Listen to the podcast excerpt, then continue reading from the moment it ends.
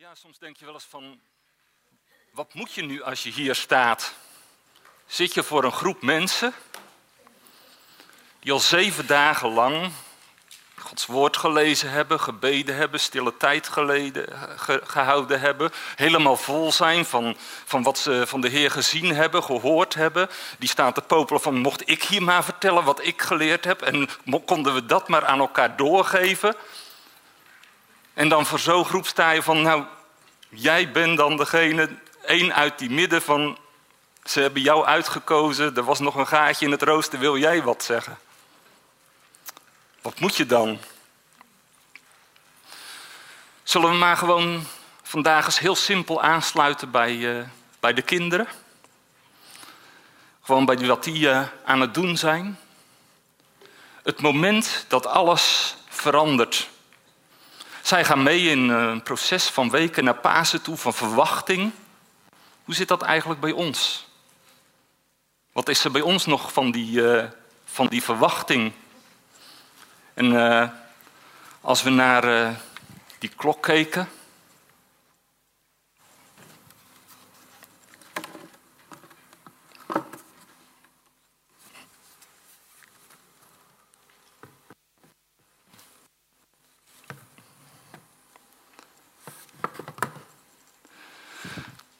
Tien voor half twaalf. Is dat ook iets Waar we hebben, oh, dat wordt spannender. We gaan steeds dichter naar 12 uur toe. Steeds dichter toe naar uh, dat er weer wat gaat gebeuren, wat gaat veranderen. Of hebben wij zoiets van, oeh, het gaat alweer dichter naar 12 uur zijn, dan is de dienst voorbij. Wat leeft er bij ons? Wat leeft er in ons hart? Dichter naar Pasen toe. Is er die spanning? Zullen we de tekst met elkaar gaan lezen die ze ook uh, boven lezen. Uit Marcus hebben we gehoord, dus daar gaan we zoeken.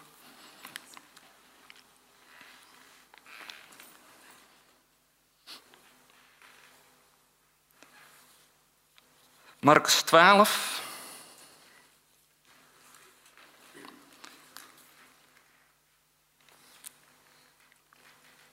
En dan vanaf uh, eh, 37b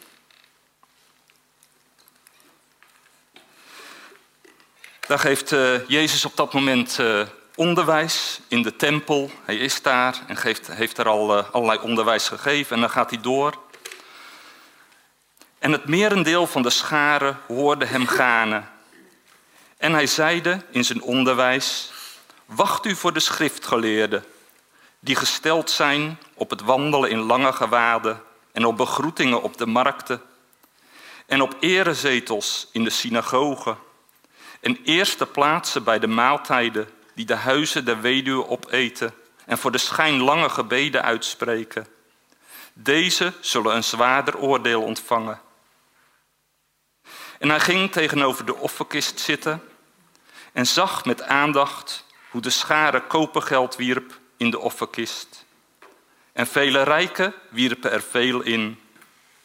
En er kwam een arme weduwe die er twee koperstukjes in wierp dat is een duit.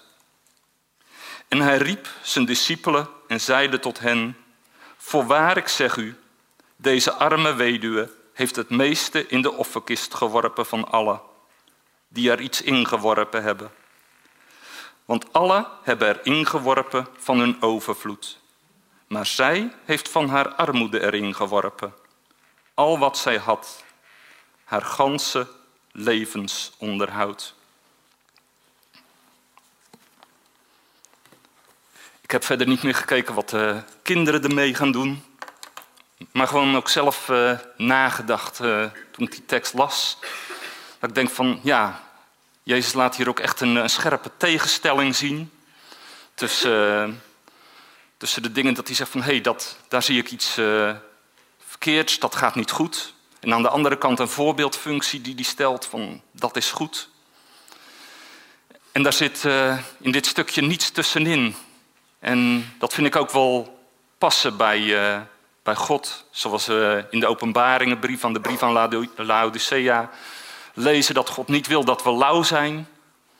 Dat hij zegt van, ja, ik kan overweg met die, uh, die fariseeën, die schriftgeleerden. Al zeg ik er streng dingen tegen, aan de andere kant ja, ga ik er ook mee in gesprek? Daag ik ze uit? Zie ik dat ze naar me toe komen? Dat er toch uh, geluisterd gaat worden? Daar kan die wat mee. Met mensen die vooruit gaan, voorop gaan, daar kan die wat mee, maar daartussenin, ja, daar heeft hij niets mee, daar kan hij niets mee. En hoe zit het met ons? Als wij zo'n tekst lezen, zitten wij er dan ergens tussenin dat we zeggen: Oh, daar kijken we neutraal naar. Ja, dat was slecht, dat was goed, mooi voorbeeld en we gaan weer verder. Of zijn we ermee verbonden? Gaan we erin mee? Gaan we er eens naar kijken? We hebben zo makkelijk van, nou ja, wij zijn gered. We hebben die opstanding uh, gehad. Dat is een deel van ons. Maar durven er ook nog echt naar te kijken? Ook naar de, de dingen die er voor die tijd waren van... hey, leeft daar misschien nog iets binnenin ons waar nog wat uh, moet veranderen? En uh, zo kunnen we ook heel ja, betrokken zijn hierbij. Echt kijken niet zomaar zeggen van, oh, dat was oud-testamentisch, dat was slecht, dat was er niet. Maar gewoon ook naar onszelf van, hé, hey, is er toch nog iets misschien in onszelf ook... wat daar toch nog mee in lijn is? Iets zelf wat we ook iets hebben van, hé, hey, dat geloof wat we hebben... kijken we daar misschien zelf ook nog alleen maar naar van... wat heeft het voor voordeel voor ons? Wat levert het ons op? Wat, uh, wat, wat, voor goed doet het ons? En uh, dat we iets hebben, ja, dat hebben we. Zit er misschien ook nog een heel klein tikkeltje fariseerachtig bloed in onszelf, waar we van hebben van, hé hey Heer, wilt u dat nog opruimen om volledig voor u te gaan? God was altijd op het hart gericht. Dat zien we ook uh, in dat stukje daarna, als die uh, bij de geldkist is. Dan, wij hebben zoiets van, nou, dat gaat dus over geld geven. Gaat over wat je geeft, wat je ermee kan doen. En Jezus kijkt daar heel anders naar. Die zegt van, nou, het interesseert me, ik ben er helemaal niet mee bezig wat, er, uh, wat erin gaat. Maar die gaat gewoon eens op een afstandje zo eens zitten kijken van... wat gebeurt er nou in die harten van die mensen die daar aan het geven zijn? Hoe reageren ze er? Met welk hart geven ze het nu? Daar gaat het om. En daar kijkt hij naar. En dan ziet hij ook die, uh, die arme weduwe die alles geeft. En dan herkent hij daar dat hart van iemand die zegt van, waar je juist van zou zeggen dat is iemand die in armoede leeft en waar God het hart van ziet van, maar die heeft geen hart van armoede. Die heeft een hart van geloof, een hart van overvloed, van ik krijg voldoende en daar kan ik van uitdelen. Ik heb God lief. In Marcus net daarvoor hebben we ook dat, uh, stond ook dat stukje van het grote gebod van heb de Heer uw God lief. En dat laat zij zien in het diepste van haar hart. Ik heb God zo lief en daar wil ik alles mee delen, alles aan geven. En ik verwacht gewoon dat Hij weer voorziet en dat we zo samen optrekken. En ja, die drie dingen zijn er steeds. Van een stukje terugkijken van, hey, zijn er nog dingen in ons hart die nog opgeruimd moeten worden? Die nog niet in lijn zijn met dat uh, nieuwe opstandingsleven wat we gekregen hebben? Zitten we misschien nog ergens in een uh, lauwe zone ertussenin, waar God van zegt van, maar dat wil ik niet? Of hebben we al iets van dat overvloedsleven ontdekt van, Heer, ik wil echt alles geven, wat het ook kost. Hier ga ik voor, dit verwacht ik, hier leef ik met verwachting naar. En dat lezen we dus uh, ja, in dit voorbeeld. Maar uh, ja, we komen dat steeds weer tegen, ook eigenlijk met bij Petrus zien we dat, waar, uh, waar die met Jezus optrekt.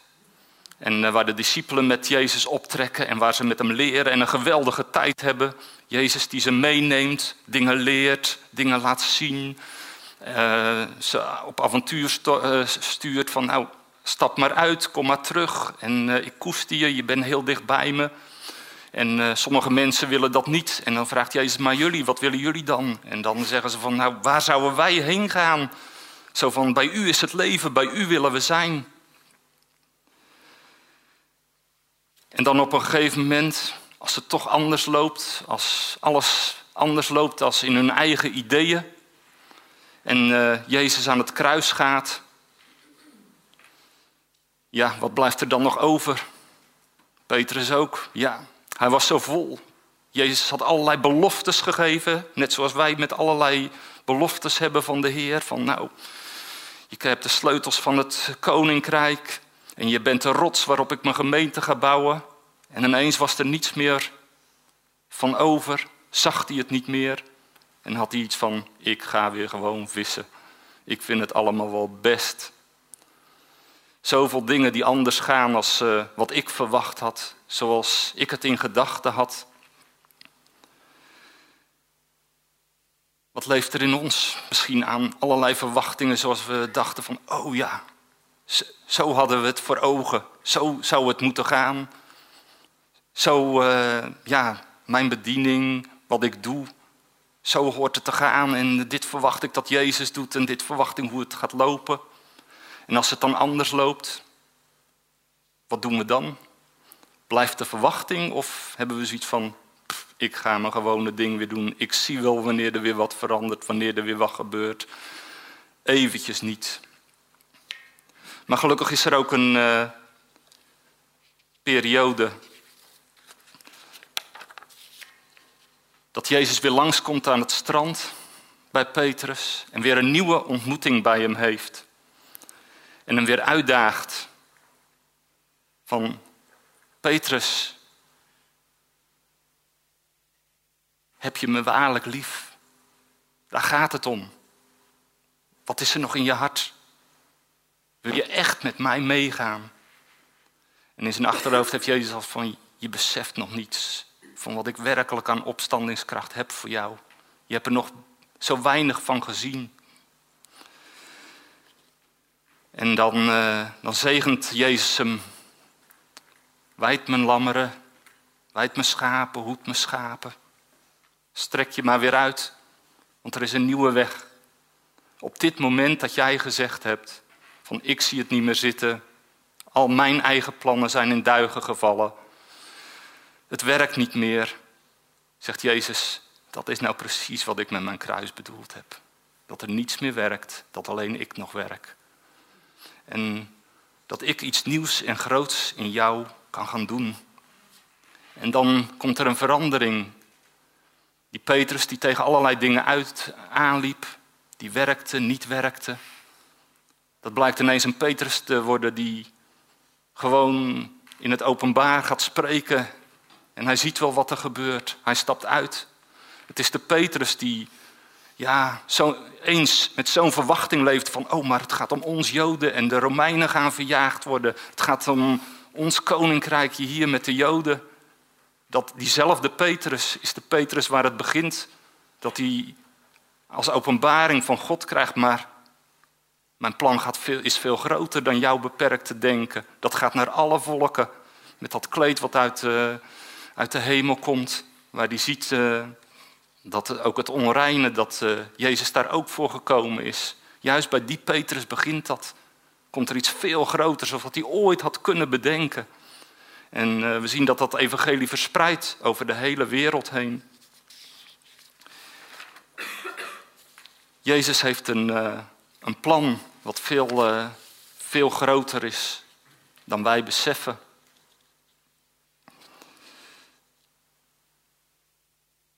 Nog een ander voorbeeld.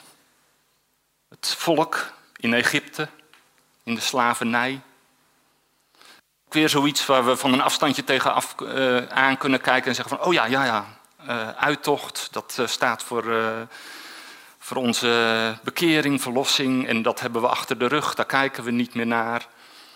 Maar soms is het toch weer goed om even te kijken van, hé, hey, leeft er misschien toch nog iets van dat volk in ons hart, wat we toch nog meegenomen hebben. Soms kan het ook nog zoiets zijn van, ja, dat we een gedachte hebben aan de tijd van, uh, terug van Jozef. Degene die, uh, die voor verlossing zorgde, voor graan zorgde, die voor het volk een, uh, een plaats verwierf in een heel vruchtbaar deel van, van het land Egypte. Waar ze zich vermenigvuldigden, waar ze groeiden, waar ze ja, een plek hadden waar ze voor zichzelf waar ze konden groeien. Ze hadden nog uh, ja, het, het, respect dat zij uh, als volk en als geslacht ook nog voor, uh, voor zegen hadden gezorgd. En ja, dat was de basis, maar langzamerhand begon dat te vervagen en begon er steeds meer druk en tegenstand te komen. En kwamen ze langzaam in die slavernijpositie terecht. En als er dan een bevrijder, als er dan een Mozes komt, dan hebben ze zoiets van, ja, mooi, maar zodra dan die druk nog wat verhoogd wordt, hebben ze zoiets van, ja, het zal best wel. Uh, dan maar uh, dat minder leuke erbij, maar we hebben hier wel nog uh, goed te eten en dit is nog goed en er zijn nog goede dingen. Zo van, even de druk niet, stop maar even, hier trekken we even een grens, verder willen we niet. En soms ja, betrap je erop dat je ja, zelf ook wel eens zoiets kan hebben. Zeker misschien als ouderen onder ons, dat je terugkijkt en denkt, oh, toen was het nog een goede tijd. Wat we toen beleefd hebben, dat was geweldig. Dat was uh, fijn en ja, zijn er wat dingen die moeizame teleurstellingen overheen gekomen. Leeft er nog iets van die verwachting van, hé, hey, God wil nog veel grotere dingen gaan doen die ik helemaal nog niet besef. Een God waar ze nog helemaal niet van zouden kunnen denken dat dat een God is die, die zeeën kan splijten, die, die voedsel uit de hemel kan voorzien, die water uit rotsen kan geven. Staan wij ervoor open van, hé, hey, Heer, het is niet alleen het wegdoen van oude dingen, oude slavernijgedachten waar we nog mee zitten, vanuit een oud leven, maar er is ook iets van durven we uit te stappen in nieuwe dingen die God wil gaan doen. Nieuwe dingen die God voor ons persoonlijk en voor ons als gemeente klaar heeft liggen. Dat hij zegt van durf je erin uit te stappen. Durf je terug naar dat kruis om te zeggen van nou, al mijn plannen, laat maar liggen. Ik heb gezien dat, uh, dat het faalde, dat het niet lukte, dat het zo anders gaat als wat ik verwacht had. En er is een God die zegt van maar er is een bevrijding die, eh, die verder gaat. Ik heb een plan wat verder gaat. En zelfs dan komt die woestijnfase. En zelfs dan is er nog iets van. het is vaak zo moeilijk. Konden we maar weer terug naar dat oude. Dat was zo vertrouwd. Dat was zo goed. Dat, uh, ja, dat kenden we. En ja, dat er dan moeizame dingen bij zaten, dat, uh, ja, dat is dan jammer. Maar het was zo vertrouwd. We willen er weer naar terug. Maar God zegt, hé, hey, er is een nieuw beloofd land. Wil je daar naar uitstrekken? Wil je daarvoor gaan? Voor mijn plan, wat ik in jou wil uitwerken, wat ik in jullie als gemeente wil uitwerken. Zoek je ja, al mopperend naar zekerheid?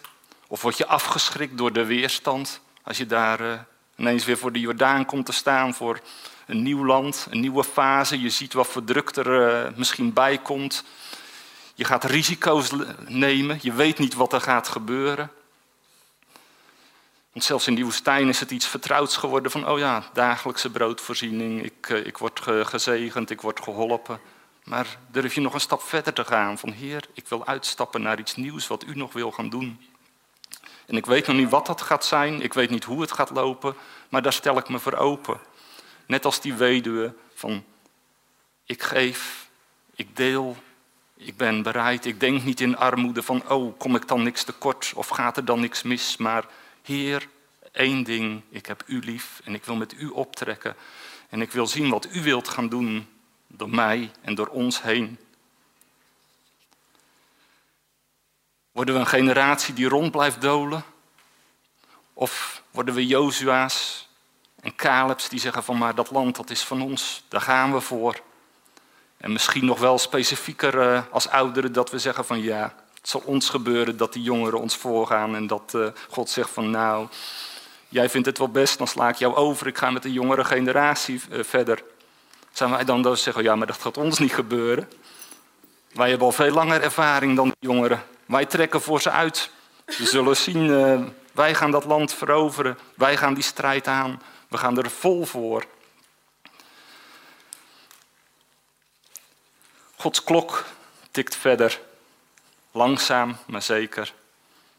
Leven wij met die uh, verwachting van Heer. Het komt steeds dichterbij. Iets wat u wilt gaan doen. Iets uh, wat we nog niet gezien hebben, wat wij nog niet kunnen beseffen, wat, uh, wat u kunt gaan doen door mij persoonlijk. Door ons als gemeente heen, naar onze omgeving hier. Misschien komen er allerlei dingen die weer in onze eigen beperkte dingen zijn van, oh ja, maar misschien is dat het dan, maar zullen we God de ruimte geven van, Heer, we willen ons er echt voor openstellen, voor wat u wilt gaan doen, voor wat u wilt gaan veranderen. Een leven, geen genoegen meer nemen met uh, wat we al hebben, maar echt in dat volle vertrouwen verder gaan. En uh, zeker niet in de lauwe zone terecht uh, komen van, oh ja, we weten het wel en zo hoort het. Maar echt, ja, aan de ene kant durven terugkijken van, oh, dit zijn nog dingen die er nog leven, die moeten nog opgeruimd worden.